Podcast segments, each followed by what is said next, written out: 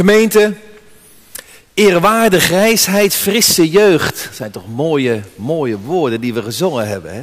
Maagde jongelingen. Daar wordt u aangesproken. We zetten boven de preek, halleluja, lof zij het lam. Drie gedachten. Met als kanttekening dat ik waarschijnlijk de derde gedachte niet aan toe kom. Maar dan schuiven we dat door naar de volgende keer. De eerste gedachte is het lam van God. U leest dat in vers 6 van Openbaring 5.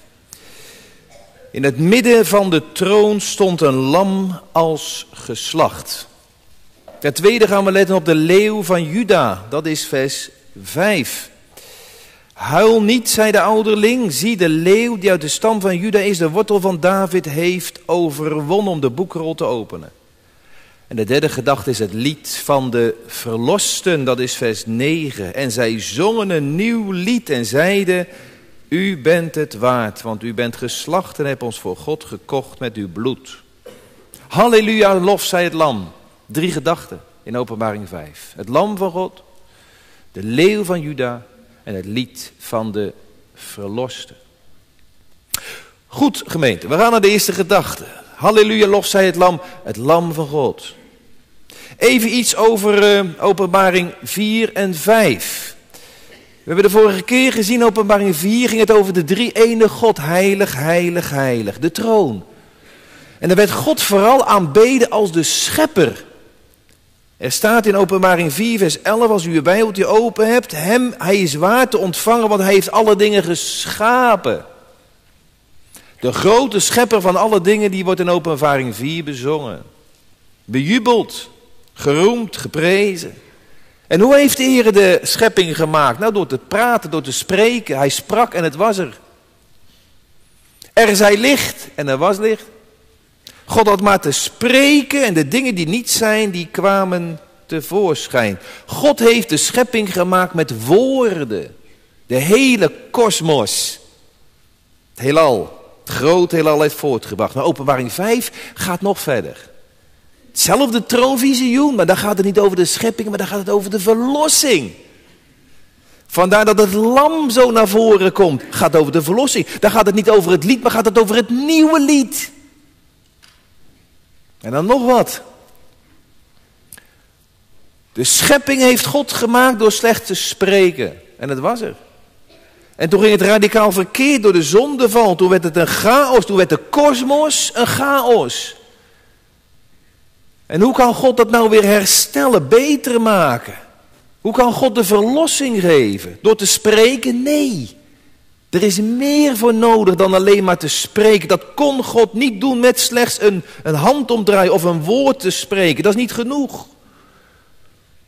Hoe kan God die gevallen schepselen en die gevallen schepping weer verlossen? Praten, woorden zijn tekort. Maar daar moeten de wonden van Jezus aan te pas komen. Daar moet bloed vloeien.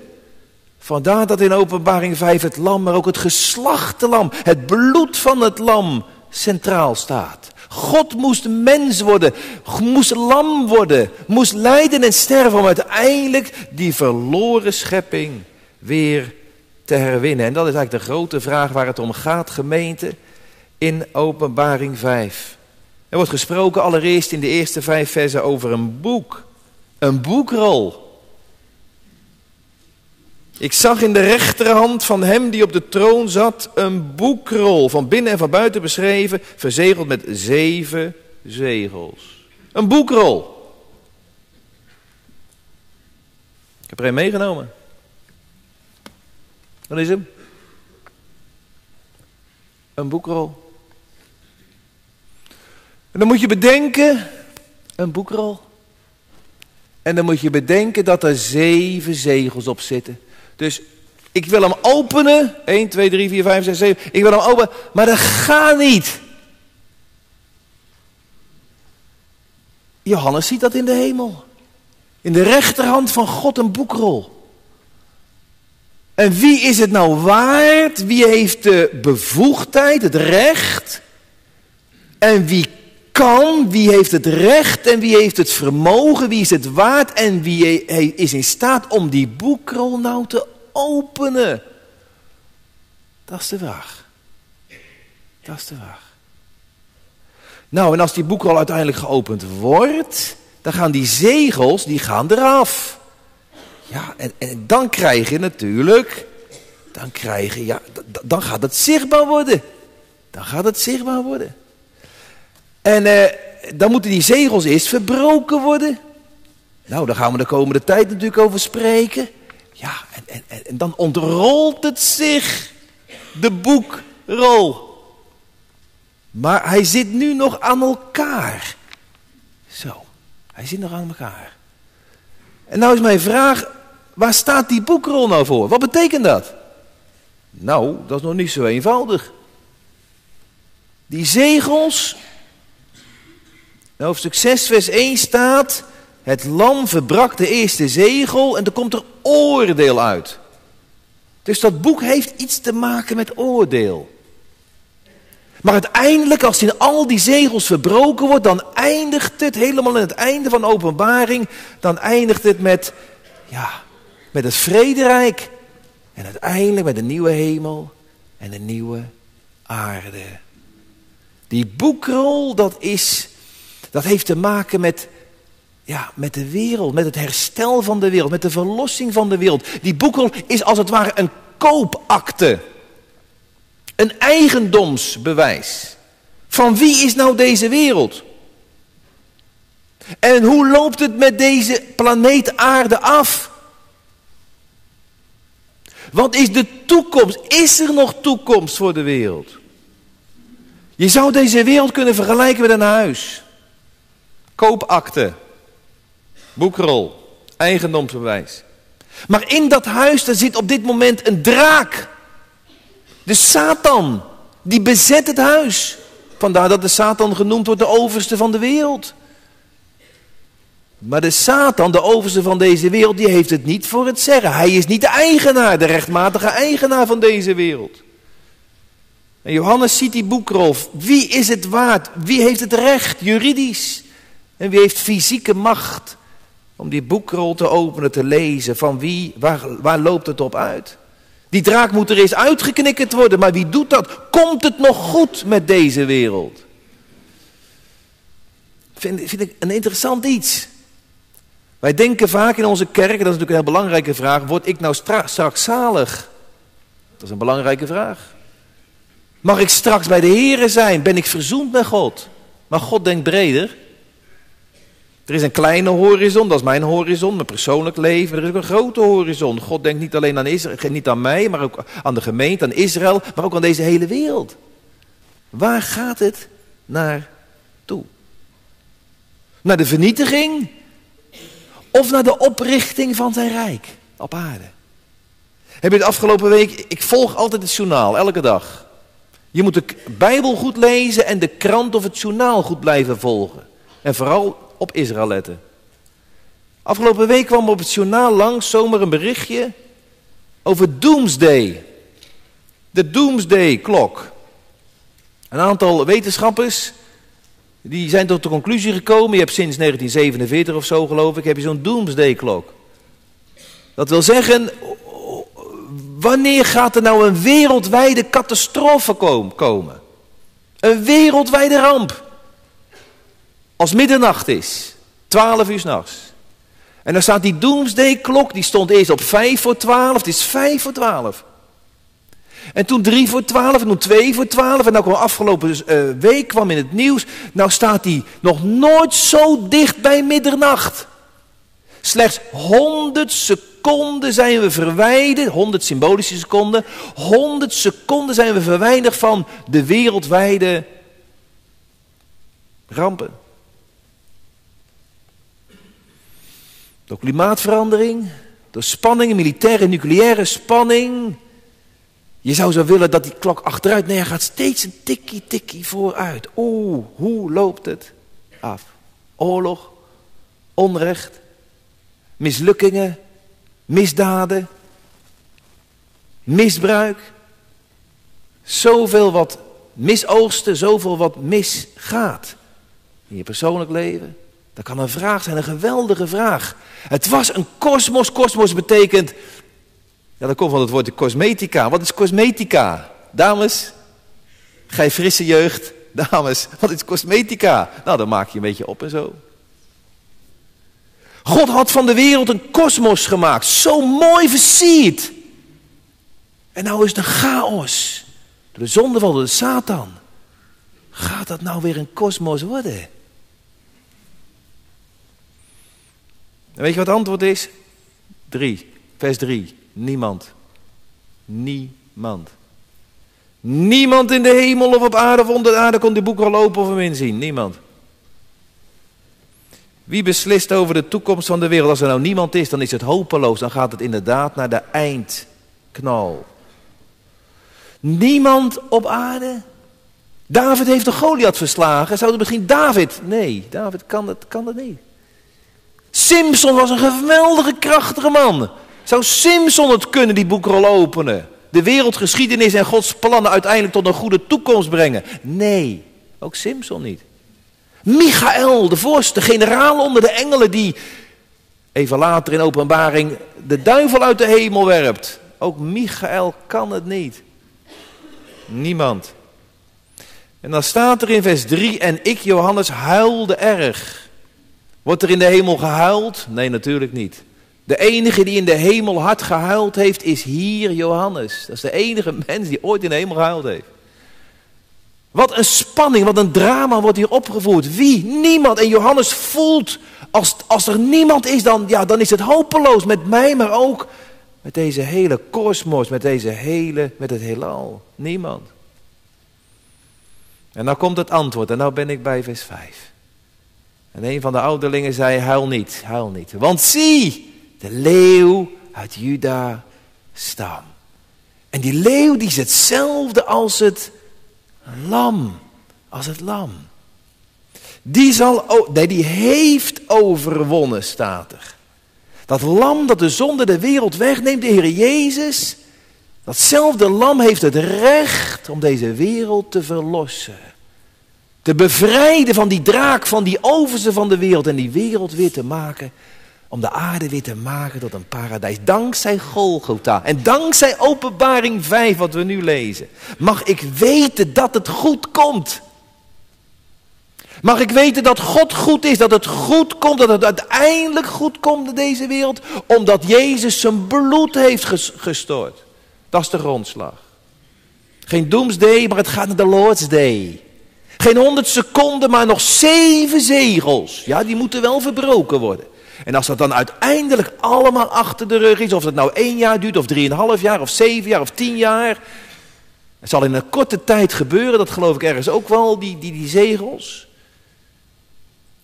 Als dan al die rampen over de aarde gegaan zijn, het is een langbarensproces, maar uiteindelijk komt dan toch de koning in het koninkrijk. Weet je wat er op uitloopt, gemeente? Hier in openbaring 5 hebben we het over het lam en de leeuw. En dan eigenlijk de rest van het boek, de openbaring, worden al die zegels, die worden geopend en die rampen komen. En dan eindigt het, ik ga het voorlezen uit openbaring 17, vers 14. Dan zullen uiteindelijk alle mensen, alle goddeloze mensen, oorlog voeren tegen het lam. Openbaring 17, vers 14. Maar het lam die de Heer der Heer en de Koning der Koning is, hij zal hen overwinnen. De toekomst is aan hem. Ik kijk naar het lam en ik zie de leeuw. Ik zie de leeuw en ik, ik zie daar ook het lam in, allebei. Ik kijk naar Jezus van Nazareth, hij is de zoon van God. Ik kijk naar God de zoon en ik zie de zoon des mensen. Het is allebei, ik zie het allebei. Het is maar vanuit welk gezichtspunt je het ziet. Is er iemand die het kan, vraagt Johannes. Yes, he can. Hij kan het. Ook in jouw leven, dat is de toepassing. Je leven was een kosmos, je had alles mooi op een rijtje, mooi, je had het mooi versierd in je leven, totdat het een chaos werd, een puinhoop. Wat ben ik teleurgesteld in mijn leven. Wat is er een, wat ik er een zootje van gemaakt? Of het is me overgekomen. Zou het nog goed kunnen komen? Zie de leeuw, wee niet. Wee niet. Zou het gebeuren dat de bergen ooit nog een keer vrede zullen dragen? En de heuvels het heilige recht en geen onrecht en geen oorlog meer is. Ja, als Jezus terugkomt. Gemeente, als het gaat over het lam.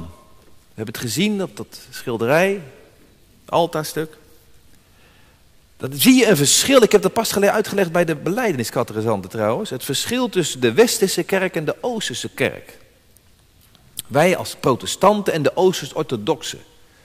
Wij als protestanten, als wij denken aan het lam, dan denk je aan schuld.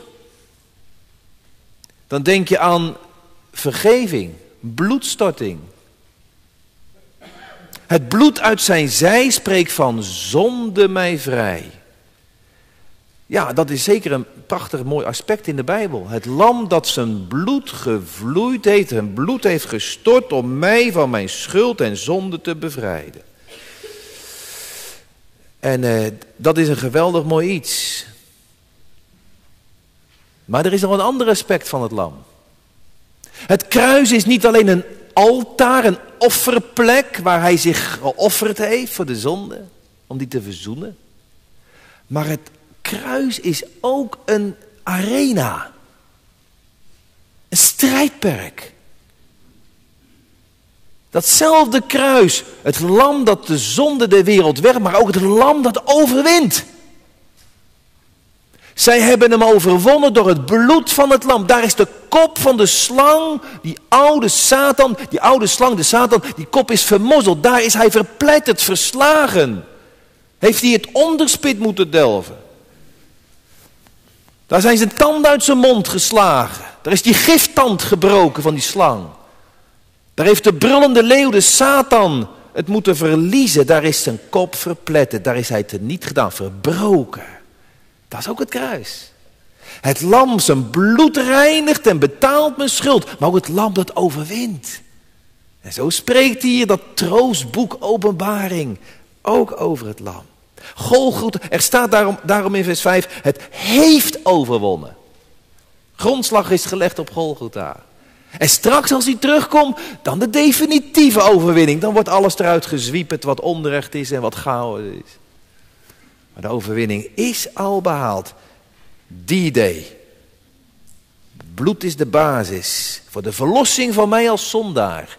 Maar ook voor de verlossing van de hele wereld. Vind dat zo mooi, gemeente, om erover na te denken. Dat het lam het zo het middelpunt is. Wat is een kind van God? Een kind van God is iemand, ja, daar kan je moeilijk en daar kan je makkelijk over praten. Maar een kind van God is iemand waar het lam, waar de Heer Jezus het middelpunt van je leven geworden is. Kinderen van God, dat is toch waar? Hij is het toch voor je? Wie, de, wie zeg jij dat ik ben? Heere Jezus, u bent het voor me? U alleen? U en u alleen. Ben voor u gevallen. Ik heb mijn hart aan u verknocht. Omdat u me gekocht hebt met uw bloed. Hij is het middelpunt van de hemel. Ik zag in het midden van de troon. Centrum. Het middelpunt van de avondmaalstafel. Wat zie ik daar? Brood en beker. Zijn werk tot een volkomen verzoening. Middelpunt van de avondmaal. Middelpunt van de prediking. Middelpunt van mijn hart. En heerlijk als hij ook het middelpunt van je gezin mag zijn. Ik moet denken bij dat lammetje altijd aan het paaslammetje in Exodus 10, 11, 12. Als Israël in Egypte is, in het land Goos en verlost wordt, tiende plaag, bloed van het lammetje. En, voordat dat bloed van het lammetje aan de deurposten wordt gestreken. Kennen jullie dat verhaal, kinderen? Ja, natuurlijk kennen jullie dat. Voordat dat bloed aan de deurpost wordt gestreken, moest dat lammetje eerst vier dagen in huis zijn. Toch? Vier dagen in huis. Drie dagen en op de vierde dag werd het dan geslacht door vader en met een kwastje aan de deurpost. En dan zou je behouden worden als oudste jongen. Eerst drie dagen in huis. En in die drie dagen dat het in huis was, dat lammetje, was het volstrekte duisternis. Dat viel samen met de plaag van drie dagen duisternis. Het was volstrekte duisternis in het hele land Egypte. En bij de Israëlieten? Er staat, en er was licht in de woningen van de Israëlieten. Waar komt het licht vandaan? één antwoord. Drie dagen dikke duisternis. En er was licht in de woning van de kinderen Israël. Waar komt het licht vandaan? Dat licht kwam van dat lammetje. Geestelijk gezien. En dat lam is de lamp. En in die drie dagen man, vrouw en die kindertjes in die slavenhuizen van Egypte, ja, die gingen van dat beestje houden. Die hebben dat beestje geaaid, die hebben dat beestje geknuffeld. Ze raakten aan dat beestje gehecht. Hij stond in het middelpunt van die slavenhuisjes, van die gezinnetjes van de Israëlieten. En toen na drie dagen op de vierde dag, toen pakte vader een mes. En toen moest dat lammetje sterven. Ach, wat hebben die kinderen gehuild. En toch is het nodig, jongens. Want anders moeten jullie sterven. Bent u ook aan het lam gehecht? En het lam is ook de leeuw. Dat is ook de leeuw. Wow. Heb ontzag voor hem. dat is ook leeuw. Je mag aan de ene kant een lam dat knuffelt. Er is een babytje. we gaan met de peuterklas gaan we lammetjes kijken. Zelfs een peuter, een kind is niet bang. Daar kropen ze op schoot bij de Heer Jezus. Ze waren niet bang voor hem. Hij ook de leeuw. Met diep ontzag aanbid ik u. Ik vind het interessant. Als je aan een Joods jongetje zou vragen, van 7, 8, 9 jaar, of een Joods meisje. Teken jij eens, maak eens een tekening van de Messias. Christus. Maak eens een tekening van de Messias. Dan teken een Joods jongetje, een Joods meisje, die teken altijd een kroon een koning. Zo zijn ze opgevoed. Als je aan een christelijk jongetje of een christelijk meisje zou vragen, 7, 8, 9 jaar, teken jij eens een, maak eens een tekening van, van de Heer Jezus. Nou, 9 van de 10 die tekenen altijd de Heer Jezus. Een kruis, een kruis. En de Heer Jezus die daar hangt. Een Joods jongetje tekent een kroon, een troon. En een christelijk jongetje tekent een kruis. En nou zie ik hier in openbaring 5 dat allebei waar is. Hij is de leeuw uit Juda's stam, de koning, de Messias van Israël. Uit het geslacht van David staat er zelfs bij, de wortel uit David. En hij is ook het lam. Dat stierf voor de zonde. Het is allebei waar. En dat vind ik zo rijk in de Bijbel. En, en als je dat geheim verstaat in je eigen leven, om dat bij elkaar te houden. Dat is nou, dat is nou, ja, dat, dat, dat is God eerbiedigen. Dan heb je het begrepen. Het gaat zo makkelijk uit elkaar. Of, ja, je ziet alleen maar dat lamsaspect van de Heer Jezus. Ja, dan moet je wel uitkijken, want ja, je moet niet met hem sollen, hè, met Ebi gesproken. De Heer Jezus is niet je vriendje hoor. Hij is wel het lam, maar, maar, maar hij is ook de leeuw. En sommigen die zien alleen maar die leeuw, die zijn zo angstig en bang. Oh, het hoort samen te gaan. Dat is nou de vrezen des Heren, dat je hem lief hebt en tegelijkertijd dat je ook diep ontzag hebt. Vrolijkheid om het lammetje en diep ontzag. Verheugt u met beving. Alle twee. Hou het bij elkaar.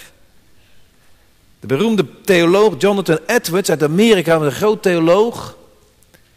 Hij zegt, dat vind ik nou zo'n bewonderenswaardige combinatie van de Heer Jezus. Aan de ene kant zijn majesteit, zijn glorie. Aan de andere kant zijn diepe nederigheid en zijn zachtmoedigheid. Leeuw, lam. Hij is oneindig rechtvaardig. En tegelijkertijd is hij grenzeloos genadig. Houdt u het bij elkaar? Als u uw mond vol hebt van genade, genade, genade, dan denk ik wel eens, ja, ik bedoel dat allemaal vriendelijk en prima. Maar dan denk ik, waar is nou Gods recht? Waar is Gods recht? Ik hoor je nooit over het recht van God spreken. En andersom precies ene. Houdt u het bij elkaar? God is aan de ene kant zo, de Heer Jezus is zo soeverein, de, de, de koning. Majesteit, groot is uw majesteit. En aan de andere kant is hij ook diep afhankelijk en gehoorzaam aan zijn hemelse vader, het lam. Gij zult de Heer God lief hebben, ja lief hebben. En tegelijkertijd de vrede des Heren, alle twee. En als je nou naar de Heer Jezus toe gaat, kinderen, als het lam. Als je naar hem toe gaat als het lam, als je je handjes om hem heen legt, om zijn nek. Dan zal hij voor jou een leeuw worden die jou zal beschermen. En die voor jou zal opkomen. Tegen alle machten van dood en angst, van duisternis en hel en wat dan ook. Maar als u de Heer Jezus als het lam van God verwerpt, dan zal hij als een leeuw tegen jou gaan brullen. Ja, en dat is verschrikkelijk.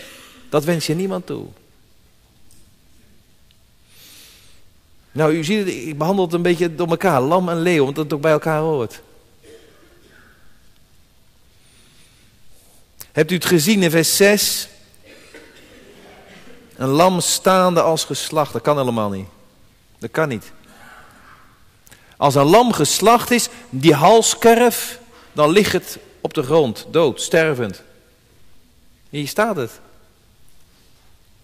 Dat staan, dat heeft te maken met opstanding, dat heeft te maken met Pasen.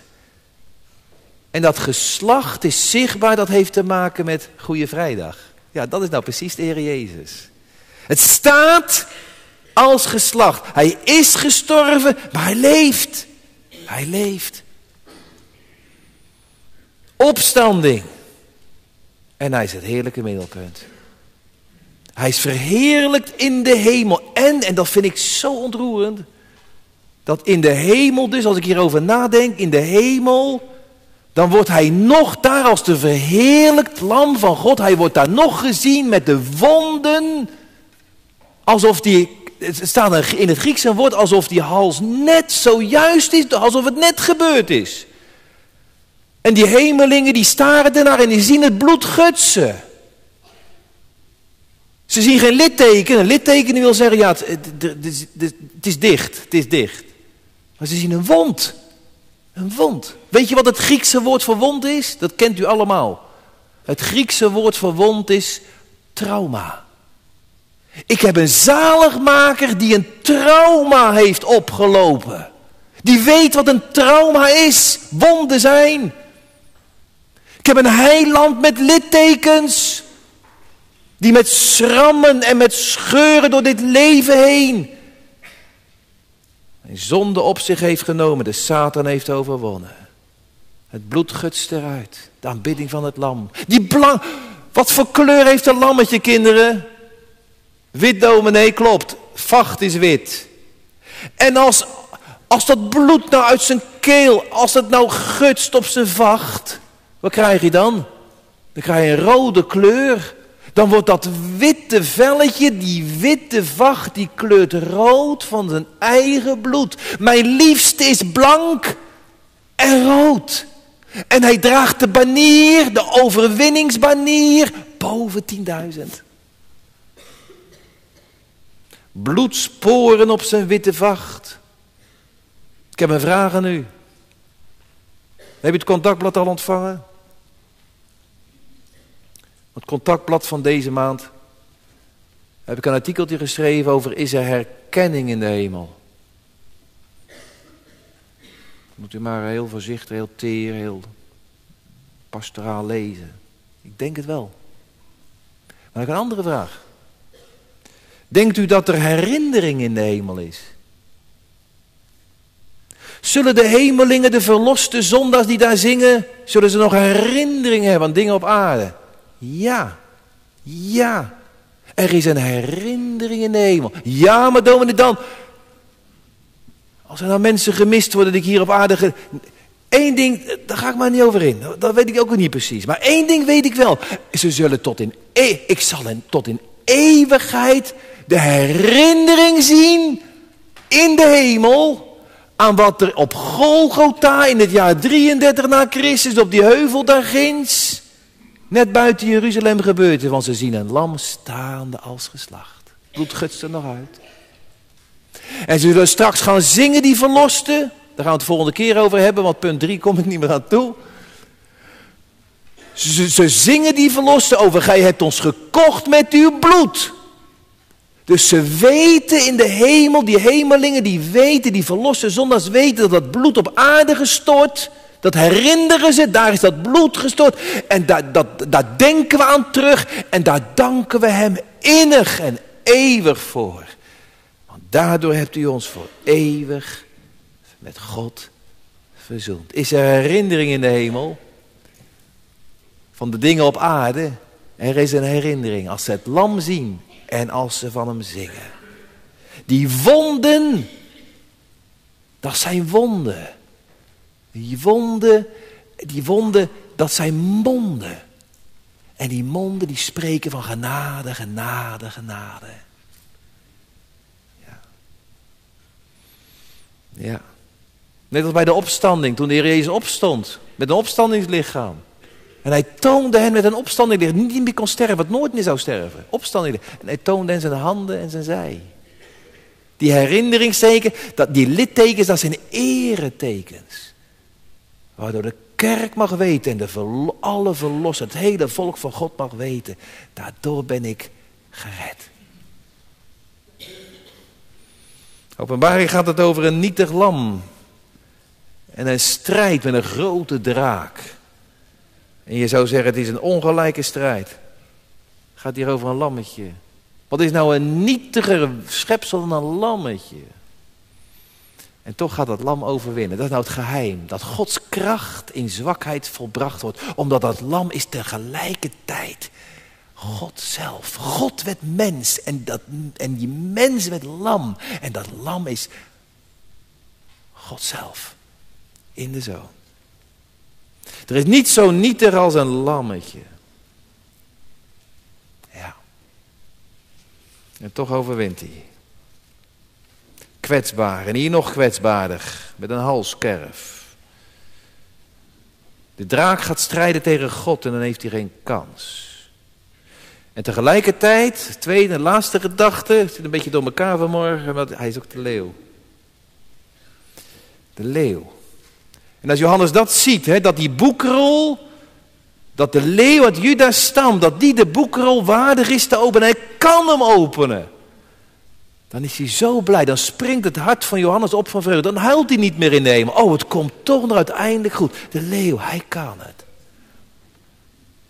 Ik vind het heerlijk, ik zou er een aparte preek over kunnen houden, maar ik, ja, je kan niet overal bij stilstaan. Maar het zou mooi zijn om over de Heer Jezus is na te denken vandaag over, hij is ook de leeuw. Aslan de leeuw. Ik zie hem gaan en zijn manen worden afgeknipt. En er wordt bespot op de weg naar Golgotha. En hij sterft op de twee stenen tafelen. Golgotha, altaar, verzoening. Maar de leeuw is opgestaan. Ellie en Rickert, hij is opgestaan. De dood komt er niet aan. Hij heeft de dood verslagen. Hij is opgestaan. Ja. Als je het Johannes-evangelie leest, dan zie je dat constant die twee, leeuw en lam.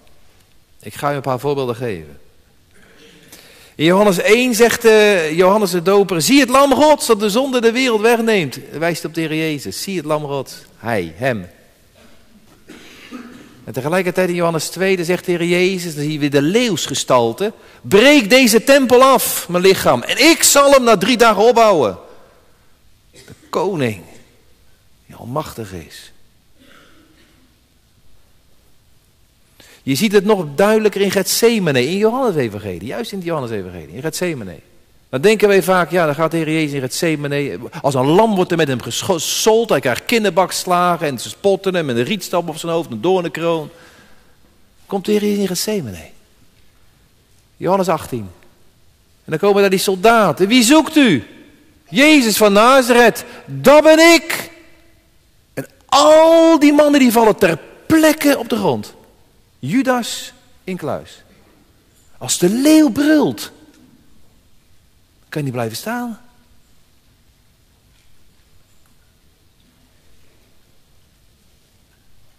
Heer Jezus zegt juist in het Johannes-evangelie. Johannes is natuurlijk de schrijver van de openbaring, dezelfde Johannes. Johannes zegt, de Heer Jezus zegt in Johannes 10, niemand neemt het leven van mij. Niemand. Ik leg het uit mezelf af. En ik neem het weer uit mezelf. Zie je wel? Niemand neemt hem gevangen. Niemand doodt hem. Hij legt zijn leven vrijwillig uit zichzelf af. Dat is iets koninklijks. Dan gaat de Heer Jezus naar Golgotha. Ja, dan wordt hij gebonden, dat verhaal zoals wij het kennen. Hè? Dan wordt hij gebonden en zo. En dan wordt, hij met een, wordt hij voortgesleept en dan valt hij bijna, kan niet meer. Weet je wat Johannes zegt? Niet dat, dat, dat, dat die gebonden, dat ze hem meenamen en dat ze hem brachten naar Golgotha. En staat, en Jezus ging uit naar Golgotha. Hij gaat zelf voorop. Hij neemt het initiatief vrijwillig. Niemand neemt hem mee. Hij gaat zelf. Dat is de leeuw die voorop gaat. Vrijwillig. Koninklijk. Hij zelf doet alles. En als hij dan sterft, dat is ook Johannes, hè? Dat is ook Johannes. Alleen Johannes. Als hij dan sterft, ja, als de Heer Jezus sterft, wat, wat, staat er dan in de Bijbel? Ja, dan denken wij, ja, hij is zo uitgeput. En uh, hij gaf de geest. Johannes zegt dat niet. Johannes zegt, en Jezus toen hij geroepen had met luider stem, niet uit verzwakking van dat zuchten, hij met luider stem het is volbracht. Hij gaf de geest over. Vrijwillig, koninklijk, eigen initiatief. Nu is het moment om een geest over te geven in de handen van mijn vader. Zie je in zwakheid en toch die kracht van de leeuw. De leeuw uit Judas stam. Ja, gemeente. Nou, ja, we gaan, uh, we gaan eindigen. De leeuw. Nog twee voorbeeldjes. Die leeuw is niet tam. De Heer Jezus is geen getemde leeuw. Hij is wel goed, maar niet tam. Je moet van de Heer Jezus geen leeuw maken zonder scherpe klauwen, nagels. Want die leeuw heeft hij. We knippen die nagels niet af. En die tanden, die, die, die, die, die, die, zijn er niet uit. Het is geen tandeloze leeuw, nee. Hij kan brullen. En hij kan, hij kan verscheuren. Jezus. Wie heeft dat boek wel eens gelezen van Louis over de reis van drakenschip? Of de film gezien? De reis van het drakenschip. Daar heb je zo'n irritant ventje, irritant ventje, die heet de Eustace. Irritant neefje. En die wordt helemaal uh, bezeten door geld. En dan verandert dat ventje in een draak. En op een gegeven moment dan, dan komt er in zijn hart iets dat hij menselijk wordt. Ja, dan zou hij zo graag weer normaal willen worden. Maar hij heeft die drakenhuid. En dan probeert hij zelf dat, dat, dat, dat draag, die schubben, probeert hij eraf te krabben zo. En laagje, laagje, maar ja, dan zit er weer een onderlaag. En hij blijft die drakenhuid houden. En hij krijgt het er zelf niet af. Oh, wat een symboliek. En dan komt de leeuw. Aslan de leeuw. En dan zegt hij, het zit dieper. Het moet dieper. Het moet dieper. Je moet veel dieper gaan. Kom maar bij mij. En weet je wat er dan gebeurt? Die leeuw die komt met zijn klauw, met één haal van zijn leeuwenklauw. Dan scheurt hij als het ware dat hele drakenvelletje eraf. En dan beschrijft hij dit, en dat vind ik zo symbolisch. Met één haal van zijn uh, klauw werd de drakenhuid er afgetrokken, afgerukt. En de mens van binnen werd weer bevrijd. En dan zegt die Eustace, die zegt, dit deed meer pijn dan alle andere dingen die ik ooit in mijn leven voelde. Toen ik het zelf probeerde om mezelf te verbeteren, ja, toen deed het niet zoveel pijn. Ik dacht dat, dat, dat die ene haal van de leeuw, dat die mijn hele hart eruit zou scheuren. Het ging dieper en deed meer pijn dan ik ooit in mijn leven heb gevoeld. En toen werd ik in het water gegooid, het doopwater. En toen werd ik weer een jongen. Toen werd ik weer een mens. Wie, wie kent in zijn leven die, die haal van de leeuw? Als God je onder handen neemt, dan komt er een radicale breuk. Dat oude, hè, dat, dat, dat, dat gaat de dood in. Dat wordt er afgescheurd. Dat gaat niet mee in het koninkrijk. Dat kan niet door die enge poort. Als de Heer je onder handen neemt, dan weet je iets van de klauwen van de leeuw. Want alles wat zonde is in je leven, dat moet eraf, dat gaat eruit. Maar je weet ook van het lam. Allebei. Voel me veilig bij de leeuw, Nee, Oh, goed. Nou, tenslotte kinderen. Ja, ik moet nog even een verhaaltje vertellen. Vind ik zo'n mooi verhaal. Ben je er nog bij? Dan vanmiddag maar een stukje korter bij de gastpredikant.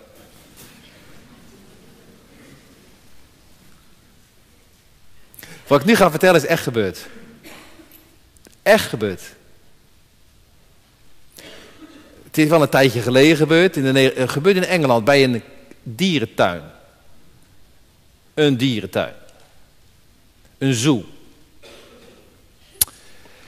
En ehm